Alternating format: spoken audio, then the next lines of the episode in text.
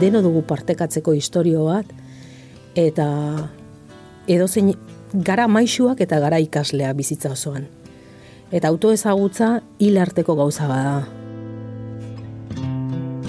Korapiloak podcasta inigo antxorregirekin. I hurt myself today to see if I still feel. Nere astigarraga, ongitorri. Kaixo, Bueno, gaurko atalean nahasmendu bipolarra da gaia. Eta normalean gonbidatu bat dudanean zuzenean testigantzara joaten naiz. Baina uste dut gaitz honek merezi duela bueno, lantxo bat egitea aurretik, ezta? Orduan ondo iruditzen bazaizu hortik hasi nahiko nuke. oso ondo. Nahasmendu bipolarra. Zer da? Beno inigo, zer ez da? Bitu. Oso erantzun ona. Ba, pixkat pe, pejoratiboki jende asko esaten du, ezta? Jo, esa ez bipolar. Ja, Umore aldaketa soil bat izan duelako. Hori ez da bipolarra izatea. entzun dudan aldi guztietan horrela entzun dut. Claro. Tonu horrekin eta testu inguru horrekin. Claro. Kontu handi duki behar da. Bai. Eh? E, etiketakin eta... Bai, nazmen bipolarra e, askoz ere burko gaixotasun komplexu eta delikatuagoa da. Eh? Bai. Bai, komplexua da zeren fase desberdina ditu, nik neuk aztertu, sakondu, e, azaldu, partekatu eta divulgatzen dut, mm, beti neuk ezagutzen dudan- dudana lehen pertsonan, ez da nire testigantza tipo bata da, niria. Horrek fase mania eta fase depresiboa ditu bilakatzen dira hor. Eta gero fase bakoitzak, maniak eta depresiboa ba, ezaugarri batzu ditu.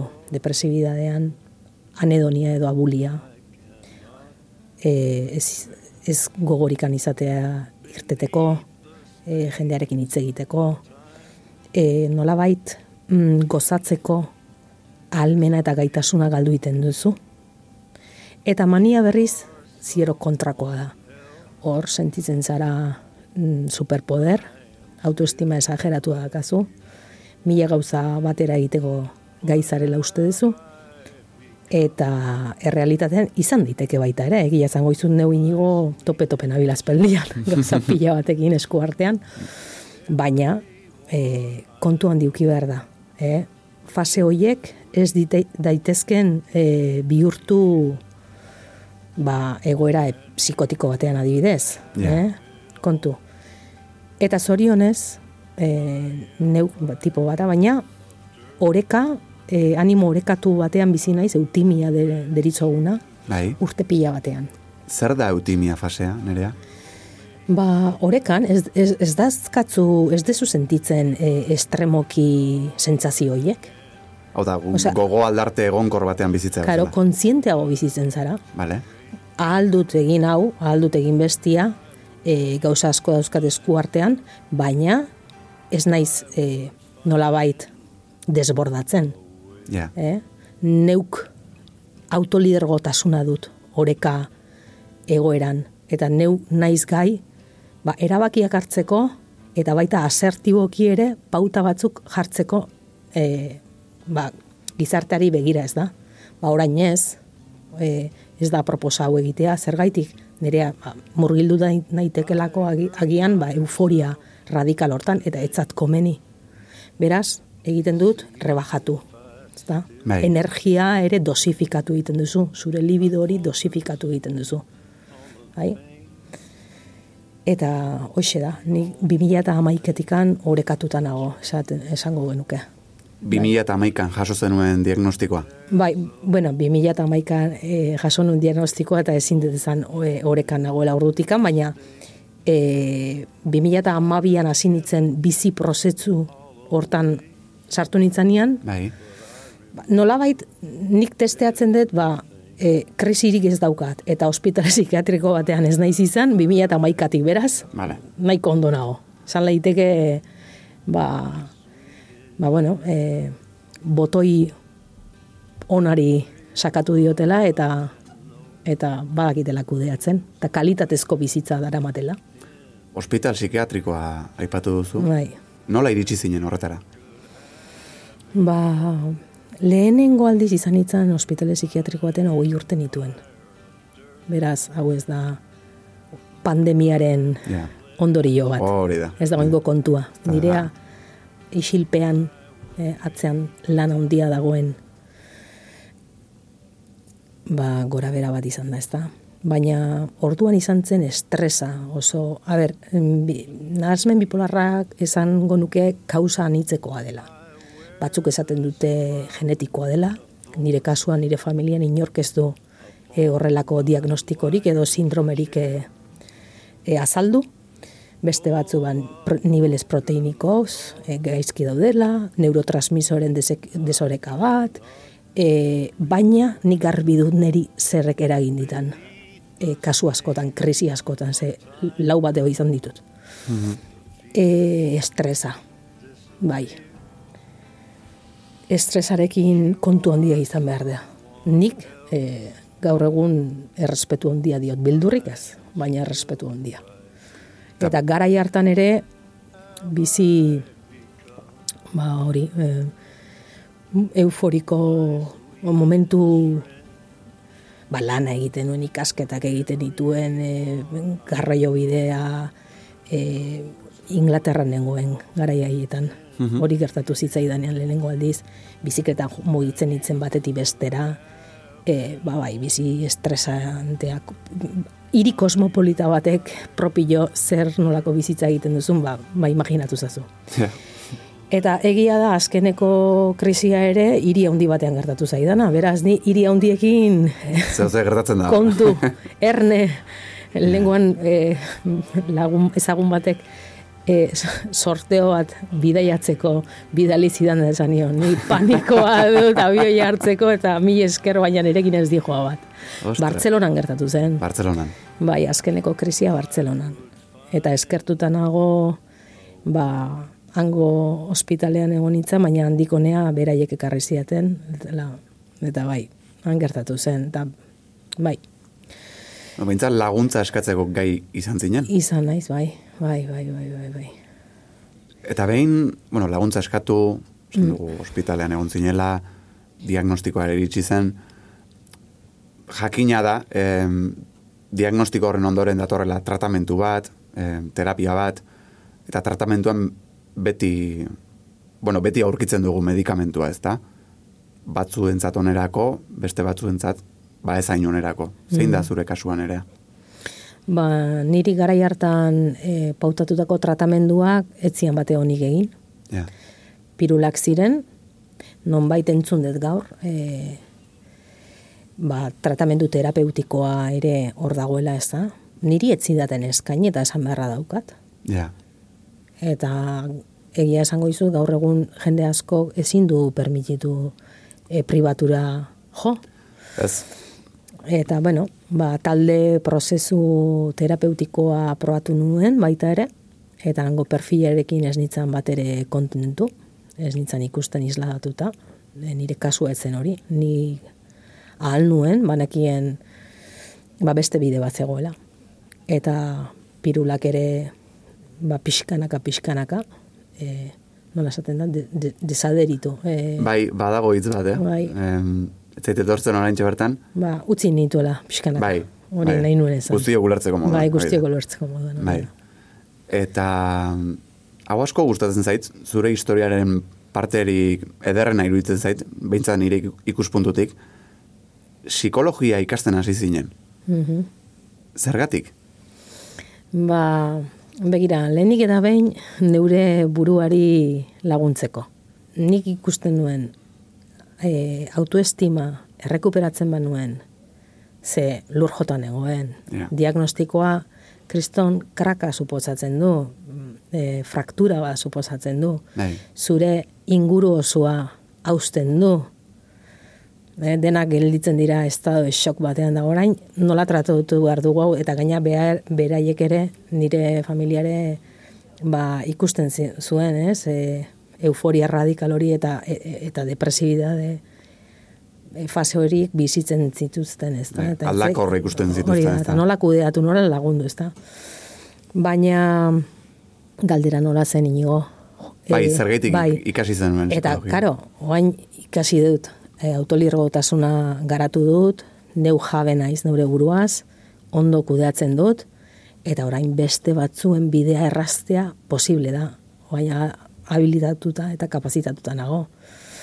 Eta hori berdina gertatzen da, e, beste bat, e, gizaki bat maitatzeko, lehenik zeure burua maitatu behar dezu. Bai. Eh? Eta hori ba, bueno, pixkanaka lortzen den gauza da baita. Orduan- Eta batipat, barkatu, Bai, bakean bizitzen ikastea. Gaixotasun mental baten prozesuan e, zailtasun asko daude eta bizi emozio asko e, sortatzen dira hor. E, amorrua, zeure buruari kulpa, amorrua, e, lotza, baina, bueno, hori ez, ez dezu etxi behar, ez da? E, hori menperatu egin behar da, pixkanaka. esan daiteke aldun zen lagundu izula psikologia ikasteak, ez Hori da, hori da. Eta orain helburua da baita ere beste batzuk alduntzea. Hori da. Hori da. E, komunikabidetan eta azaldu nahitzenetikan, jende desentek e, idazten ditu webgunetikan, norbaitek entzuten badu eta interesa baldin badu, nerea astigarraga, dena batera, .com, Mhm. eta idazten didate kontatzen, partekatzen bereenen historioa. Eta batzuek nerekin prozesu bat egitea nahi dute, eta e, saiatzen ari naiz, bai. Eta perfil asko daude. Esan didazulen 2000 eta amasitik zaudela eutimia fase horretan, ezta? Bai, Em, fase horretan egoten laguntzeko garrantzitsua izan da psikologian ikasitako guztia praktikan jartzea. e, asko bai. Ez dakit euneko zenbat izango litzateke, baina Hmm. ba, euneko berrogeita marra adibidez, erdika bat. Ba bai, e, kontzientego bizitzen erakutsi dit. Bai, e, erabaki e, erabaki hobeagoak, osasungarritsuagoak hartzen ditut. Gehiago kontrola hitza etzat gustatzen, baina beti ere kudeatzen jakitea, errepikatzea ere, pixkat. e, bueno, bai, kontrolatu egiten ditut e, ba, egoera batzuk. Ja. Bai. Eta Eta psikologian, ba, ezke, begira, e, txorakeri bat agian dirudi, baina psikologiaren in, e, ingurumenak zer harreman duen eta zer eragin duen zure e, ko, zeakin, e, kontzientziarekin. kontzientziarekin kriston aldia du. Mhm. Inkluso, txorakeri bat emango baldin badure, e, paretaren kolorea, gorria, edo beltza, edo txuria izen, edo, e, beraz, ingurumenak ere lotura handia du. Nik neuk naturarekin kontaktuan sartzen naiz, ongi sentitzeko. Ikusten detenian egun bat izan dudala, ba, pixkat, e, mogimentu gehiagokin, edo emoziok, ba, reseteatzea joaten naiz, eta e, ibili egiten naiz, e, zea baten, ba, paisaia berdea den, erreka ibai albotikan pasatzen den toki poli batetik, ia orduta erdiko bide bat dut, eta hori egiten dut, eta bueno, beste bat naiz. Atentzioa lantzen duzu, eta gero ba, memoria, atentzioa lantzen duzu, aki ahora esaten dena, ez da? Hortza, Bai. hortzaude, eta zeu, e, ea, e, txoria alai dagoelako abesten du, edo, edo abesten du pozi dagoelako. Bai. Ha? Ze ona, zure erantzunean hitz bat entzun dut eta gustatu zait entzutea, resetea. Bai. Ze liburu bat ere baduzu, reseteatu bida. Mhm. Ze, ze jasotzen duzu bertan? Ba, erreseteatzea mm, aukera berri bat ematea esan nahi du, ezta? Hmm. Ez du esan nahi, ahaztu egin behar ditut e, bizipenak, nire memorian, hipokampoan dagoen dena ezabatu egin behar dut, ezin da, ezin liteke. Baina ordenagailorekin ere gauza bera gertatzen da, zu rese botoiari emate jozunean disko gogorra hor dago, baina korapilatuta dagoen informazio e, kutsagarria, balio ez duten informazioak, hoiek ezabatzen dira, ezta? Batzuk nolabai bizitzarekin hori egitea gonbidatzen zaitut nik.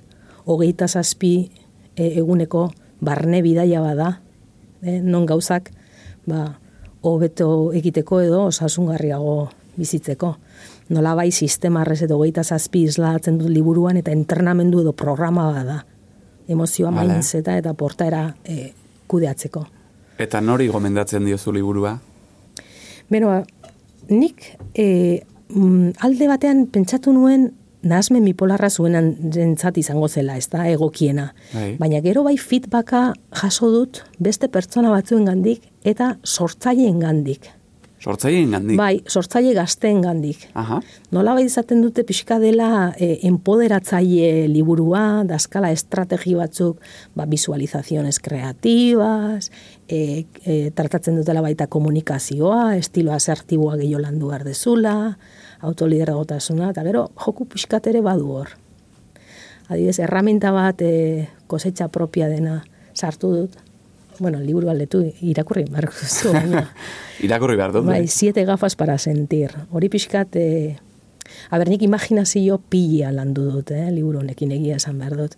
Eta nik nire parte e, kreatibo hori, sortzaile hori, betidanik izan dut. Hmm. Eh, eta txikitako ume horrekin baketu naiz, eta e, berreskuratu egin dut. Ezta, beraz, me dejado fluir esaten dena, Hmm. eta adibidez, ba, Eduardo Bono, psikologo eta idazle Amerikarrai, e, pixkat hori e, influentzia horrekin, bera daka em, nola da, sei sombreros para pensar edo erraminta bat sortu zuen e, hor erakundeetan eta e, lantalde prozesuetan eta teknika hori erabiltzen zuen. Eta nik esan du, ah, ba nik ere, siete gafas para sentir, ba, zertako da, ba, kolore desberdinetako betaurrekoekin begiratzeko bizimodua segun eta ze egoeratan zauden. Hmm. Ez da, ba, adibidez, e, e, pixkat eskor baldin zaude horiak hartzera gonbidatzen zaitut, hoiek jantzi, eta pixkat posit baikorrago ikusi. E, etorkizunan bada hola zea bat, e, nondik jo bat, ez? Bai. gauzak aldatu. Adibidez, e, erabakiak eta hartzeko zailtatzuna baldin baditutzu, ba, gorriak jantzi, ze gorriak, ba, intuizioa eta lantzeko balio du. Ostra. Eta holako zerbait. Baina, bueno, gehiago ez dut e, revelatuko. Ez, ez. Eh? eh, Irakurrin behar da liburu. Spoilerrak horreteko Hori ditugu, da. baino oso, oso saltzaile ona zara. Eh, oso saltzaile ona zara.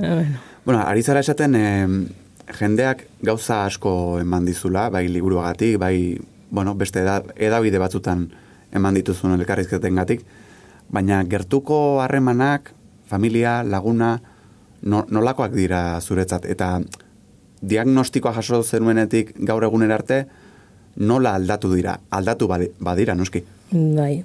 E, eragin e, baikorragoa, mm, dudik gabe, dudik gabe. E, begira, familiarekin hasi beharrean, e, kanpotikan hasiko naiz, liburu aipatu deu, e, nire mentore eta editoreak e, gainera prologoa e, eskaini dit. Eta e, sekulako pertsona ona, e, bidai honetan bilatu dut eta ezagutu dut, e, dagoenekoz 2017an ezagutu ginen e, harreman polita sortu da. Eta be, beitu, be, begira berriro ere joko baldin manu ideiarekin liburu bat idazteko, bat dudik gabe, e, famili, argitaletxe familiar e, kutxun horrekin egingo nuen lan. versosirreversos.com e, hotz egiten da. Zeona. Bai, hori adibidez. Gero, babesa ere sentitu dut e, ba, nire psikiatraren gatik. Nola bait, ez zuen jakin idazten ari nitzenik. Ah? Ez, ez nion kontatu. Ostra. Psikiatra da, psikiatra. Hoi da. Horrek galdetzen dizu, kaixo, e, zer moduz medikazioarekin, eta jazta. Ja, Horri bai. iztizkotzu zure konfidentziak esaten. Psikiatrari, ez, harreman hona da dut, horizontalki hitz egiten dugu, baina mm, manuskritoa egiten nahi nintzen einean, 2017an hasi nintzen, oso bitxia da gainera inigo nola sortu zitzaidan ideia hori, eh? Ari nintzen, ariketa bat egiten, de visualización kreativa, PNL, programazio neurolinguistika formakuntza saio batean. Eta saio hartan ariketa hori, esan ziuen, e, praktika, e, ariketa hori geure bizitzan islatzeko e, gonbidatu ziguten, eta ni hasi nintzen, ostras, eta, eta ni, eta nire urrengo erronka, eta zea, eta pum, esan nuen, jazta, hause da, lehengo abia puntua. Ez daki burua zein izango den, baina horrelako zerbait izango da. Eta 2008an, ba, hasi nintzen horrekin, ez da? Eta beraz, psikiatrari, ba, ez nion, esan urte hoien hoietan. Baina bai, familia dena zekin. Familia, nire familia txikia da, baina egonkorra. E, bai. Asko babestu zaituzte? Bai, bueno, babestu. A ber, babesa protegida e, eta ez diatela usten gauzak egiten ez. Todo, ez ez. Todo lo contrario. Bueno, aholkuak eta beti, ba, gizuz, gurasoen gandi beti izaten dira aholkuak, ez da, nire ama nahiko e, lideresa ona da. e, ez daka agian sekulako formakuntzarik, baina bizitzan asko ikasi du eta asko daki, eta jarraitzen dio eta mari e, gainea kalitatezko bizitza darama, e, adina nahikoa du, baina asko erakutsi dit. Eta senarra beti horre da. Goi urte dela matzagu elkarrekin, krisi denak nirekin bizi izan ditu, berak horrela ezagutu ninduen baita, honekin. Mhm. Eta, beno, nire gatik apustu egin du, eta, beno, ba, zer, zer esango du bani. Ba, gora, bera. Bai, bai. Anaia, ba, pixkat, e, lasaio utzi nau, ze beti pentsatu izan du, nahiko autodidakta duela bere arreba, eta, beno, ba, beti ere horregon da, baina, bai, e, ezain gainean, ez da? Ja. Elkarrizketa bukatzeko, bai. galdera errezera jonezake, baina, mm. zuri entzundakoa naizenez, eta berriro entzutea gustatuko litzaitaken ez, horrelaxe galdetuko dizut.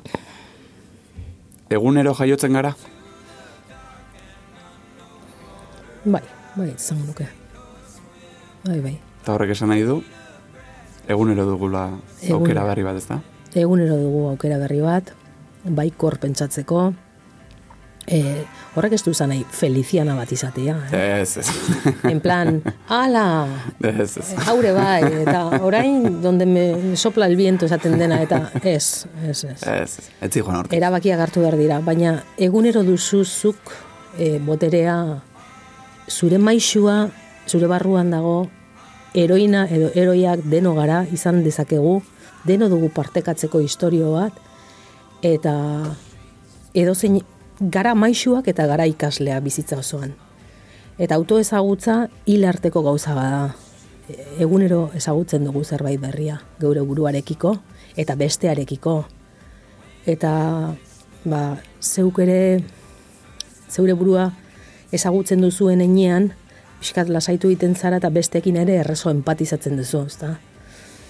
Konfidantza, egunero daukagu adibidez, e, aukera konfidantza ere e, bermatzeko, ezta? Garatzeko. Ba, nire hasti garrega. Eskerrik asko etortzegatik. Zuei. Eskerrik asko zure historioa partekatzeagatik. Eta bihar beste egun bat, izango da. Hori da, seguru. Eta seguru zerbait gehiago ikasiko dugula. Eta disfrutatuko dugula ze bizitza hortan datza baita, eh? Ez aztu. Politia da. Ez dugu aztuko ez. Eskerrik asko nerea. Ondo izan. Eskerrik asko.